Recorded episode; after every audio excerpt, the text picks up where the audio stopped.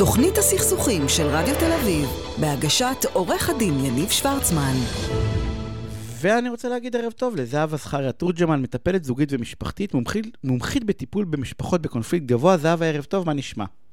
ערב טוב, יניב, מה שלומך? בסדר גמור. תשמעי, אנחנו בהתחלת התוכנית דיברתי עם עורכת הדין עדי אה, חן, בנוגע לאלימות במשפחה, אה, אלימות כלכלית, נפשית ומילולית, ודיברנו מה קורה אם מישהי מרגישה מאוימת, בסדר? וצריכה עזרה ראשונה. אני אומר את זה בנקבה, אבל זה גם נכון לכל המגדרים, בסדר? מה עושים כשמישהו מרגיש אה, אה, שהוא חווה אלימות? ואיתך אני רוצה לראות אם יש, קודם כל, איך אני מזהה שאני נמצא באקט הזה, בסדר? איך, לצורך העניין, עוד פעם, אנחנו ניקח את, את הנשים, כשיהיה לנו נוח לדבר ברמה המגדרית, איך אני בכלל מזהה שהדבר הזה קיים? כאילו, איך אנחנו מגדירים אלימות? אני חושבת שקודם כל, אה, אני מאוד שמחה שעושים לזה מקום, כי הרבה פעמים אנחנו, הרבה יותר פשוט לנו לזהות אה, אלימות פיזית, כי היא מותירה סימנים, אה, יש יותר מודעות אליה. דווקא סוגי האלימות האחרים הם קצת ככה נופלים בין הכיסאות. אבל גם אלימות כלכלית ונפשית ושאר הסוגים, אנחנו בעצם מדברים על זה שאדם כופה על מישהו אחר לעשות משהו בניגוד לרצונו. אז, אז זה, זה הכלל הראשון שעוזר לנו ככה אה, להבין במה מדובר.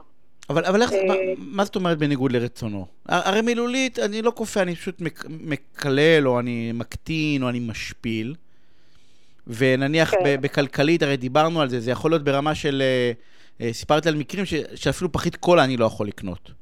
נכון, כי... בלי שהצד השני יאשר אותה. אז, אז אני אומר, אז איך, איך, איך, איך אני יודע שזה לא... זה נשמע קצת הזוי, כן? כי לך ולי ברור כן. ש, ש... מה זאת אומרת? כאילו מישהו יגיד לי מה לקנות? זה, אני עובד, זה כסף שלי. אה, גם שלי, אני לא מדבר איתך כמובן על קניות גדולות, אבל, כן. אבל איך, איך, מה הסימן, אם יש כזה סימן? אני חושבת אם יש סימן של מה, של זיהוי אלימות אה, אה, כלכלית, קודם כל יש, כי אני, אה, דבר ש... אתה אומר, יש דברים שהם בעובדות, באמת, מישהו אמר, הכריח אותי לעשות משהו שאני לא רוצה, אבל יש דברים נוספים שמתחברים להרגשה. כשאני מרגיש שאני הולך על ביצים עם מישהו, שאני בוחר מילים, שאני מפחד מהתגובה, שאני נזהר, אלה תמרורי אזהרה. עכשיו, זה לא כמו מכה שאני חוטף. עכשיו, בכלל, בכל העניין של אלימות כלכלית, הוא עוד יותר מבלבל. כי מה אני באה ואומר? ועוד פעם, אני ממש מדגישה שאני בכל שנות הניסיון שלי מאוד ראיתי את זה אצל גברים ונשים בכל המגדרים ועם כל המצבים הכלכליים. אז יש פה איזשהו דיאלוג כלכלי, שבדיאלוג הכלכלי הוא יכול לבוא ולומר אה, לאישה, או הפוך, תקשיבי, אני מנהלת ענייני הכספים. אנחנו במצב כלכלי קשה. בואי נכין רשימה. זה לא חייב להיעשות בצורה מאוד בוטה. את לא קונה, או אתה לא קונה.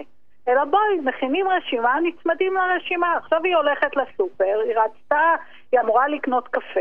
בא לה על קפה מסוג מסוים, אבל רגע, אבל זה לא ברשימה. זה עולה בעשרה שקלים נניח יותר. עכשיו, הדבר הזה כבר מייצר אצלי לחץ, מייצר אצלי אי נוחות. סימן תמרור מאוד ברור. אז בעצם זה לא קשור בכלל אה, לצד השני, זה קשור אליי.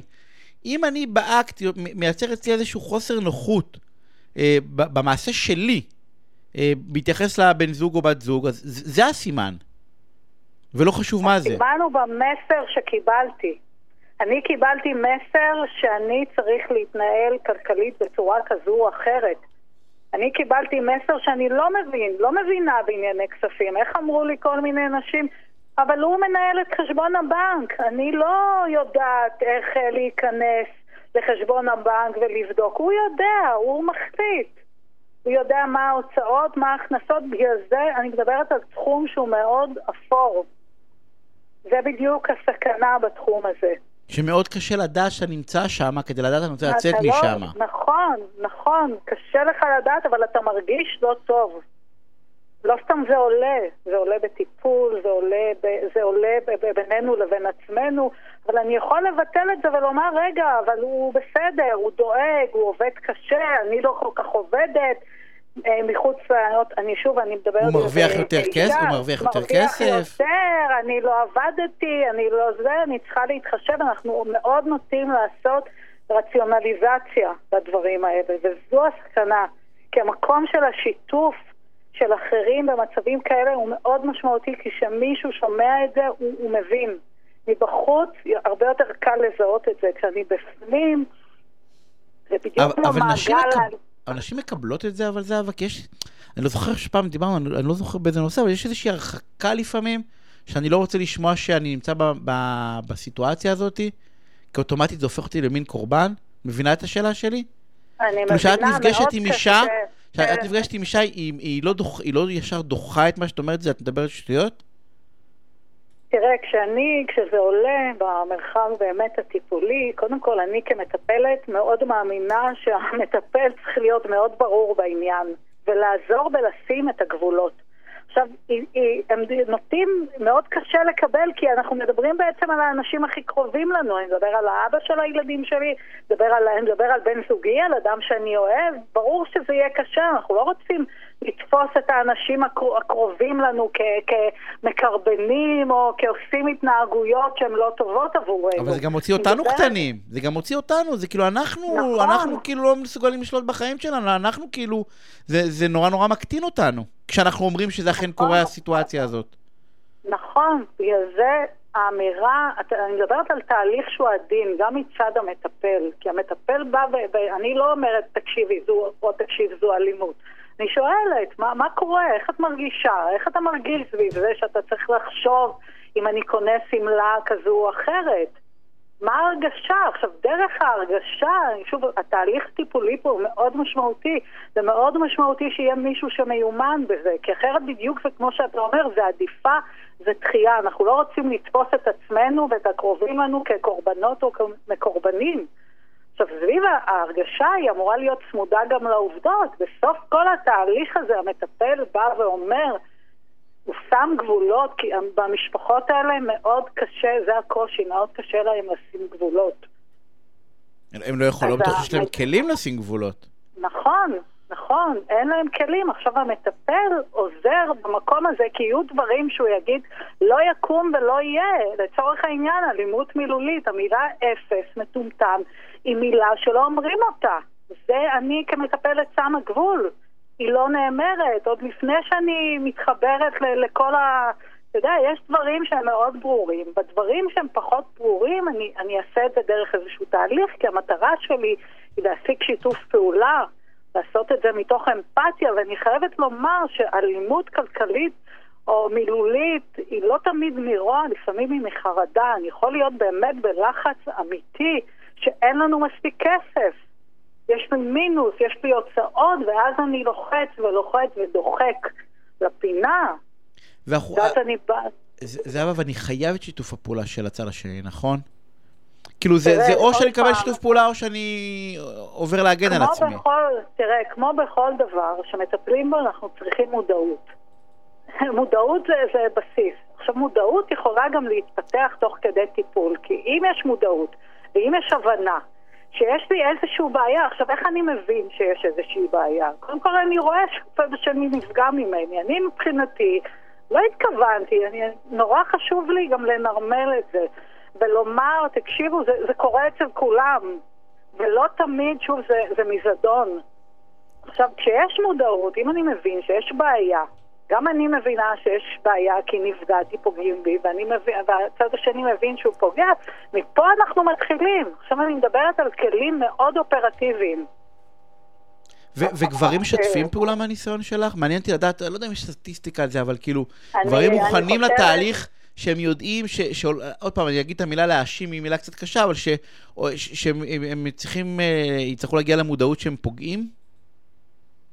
תראה, עוד פעם, כשאנשים רוצים להציל את הזוגיות, או אפילו לשנות, להרגיש, גם הגברים דרך אגב לא מרגישים טוב מזה. גם מי שפוגע לא מרגיש טוב. אז הם כן, כשיש מטרה, המטרה הם פונים לטיפול כי הם רוצים לתקן, להציל. אז הם בהחלט, עכשיו המטפל הוא גם מטפל ש, שקודם כל מציף את ההרגשה, מציף את הפחד, מה עומד מאחורי זה, הוא גם נותן כלי, אני עושה סימולציות. ואני אומרת, "חב- בואו נדבר. הוצאה כלכלית, יש פחד, אין בעיה, בואו נדבר, בואו נלמד, קודם כל נלמד לדבר ממקום מכבד. עזבו רגע את שאר הדברים, איך מתקשרים? איך מדברים את הרצונות, איך מדברים את הצרכים. ו- ואת אני מדריכה, ממש, ואת מדריכה את האישה... ממש מדריכה. לא, לא, כן, השאלה כן. שלי, עוד שאלה, את מדריכה את האישה איך להביא את הבעל, את הבן זוג? כי נניח, אני בא ואומר, אני אישה, אני בא להתייעץ עם, אה, עם זהבה. כן. בסדר? כי הבעלי לא יבוא, כאילו, הבן זוג שלי לא יבוא ישר, נכון? כי אני קודם כל רוצה לדעת שאני כן. בסיטואציה בכלל. את נותנת הדרכה איך לה... כי זה נורא מפחיד. איך כאילו אני בא לבן הזוג שלי, שיש, שיש שם כמובן איזשהו סוג של אלימות, ואני אומר לו, בוא, בוא לטיפול זוגי, מה טיפול זוגי? אין לנו כסף, ל... אין לנו כסף לזה, אנחנו לא... את כל הרשימת אה, תירוצים למה לא. כן, כן. אז בחלק מהפעמים באמת זוגות פונים ביחד, והדברים האלה עולים תוך כדי. כאילו סיפור הקולה זה סיפור שעלה תוך כדי, לא פנו בגללו. אתה מבין? כאילו יש דברים שמתגלגלים ואז כבר נוצר קשר, יש אמון ואנחנו עובדים ומדברים את זה ועובדים על זה. חלק מהאנשים יפנו סביב זה, ואז אתה יודע, הרבה פעמים אנשים נוטים לשלוח את הבן זוג שלו לטיפול ואומרים בוא תקן אותו קצת, תסדר אותו, כמו ש... עכשיו, אני אומרת את עמדתי, ברור שמגיעים שניים, אז, אז זה הכי, הכי קל, ואני מסבירה איך אפשר לגייס. עכשיו, ההתגייסות זה לא מהמקום של אחד רע הוא טוב, כי ברור שהם לא יגיעו, זה מהמקום של בואו נשפר את, ה- את, המקום שלכם כזוג, כמשפחה, כאילו נפחית סבל, זה המקום. עכשיו, אם כל זה והאישה או הגבר מגיעים לבד, אפשר לעשות עבודה, כשהעבודה היא בעיקר גם זיהוי ומודעות וגם העצמה. כדי להגיע כן, למקום, ממש. כדי להגיע למקום שיהיה מספיק חזק, כדי לשנות את הסיטואציה. ממש, כדי לשים גבול. כי כשאני מרגיש מועצם, ואני תמיד מעודדת במצבים כאלה, אני אומרת, תשתפו. כל העניין של מקורות תמיכה הוא מאוד משמעותי. זהבה, זה אנחנו לא- חייבים, זה- חייבים, חייבים לסיים. כן. אני רוצה לתת לך פינה סופר סופר מעניינת הזאתי. אני רוצה לקרוא לכולם, באמת, כל מי ששומע, את, אני חושב שהמבחן בסוף, גם אחרי השיחה איתך וגם אחרי השיחה עם עדי, המבחן הוא בסוף שאתם לא צריכים להיות במקום שאתם מרגישים לא טוב בו. אה, לכו תבדקו למה טוב, לא טוב לכם, יכול להיות שזה יהיה בסוף לא קשור לבן זוג, יכול להיות שזה קשור לכם, אבל לכו תבדקו למה לא טוב לכם, אני רוצה להודות לך על השיחה הזאת, אז תודה רבה, זהבה. ואני רוצה... לה- ואפשר לעזור, ואפשר לטפל אה, בזה. ברור, ברור לגמרי, אחרת לא הייתי, לא הייתי מעביר אותך. ברור לגמרי, שמעתי גם עלייך דברים ואפשר לשנות את הסיטואציה.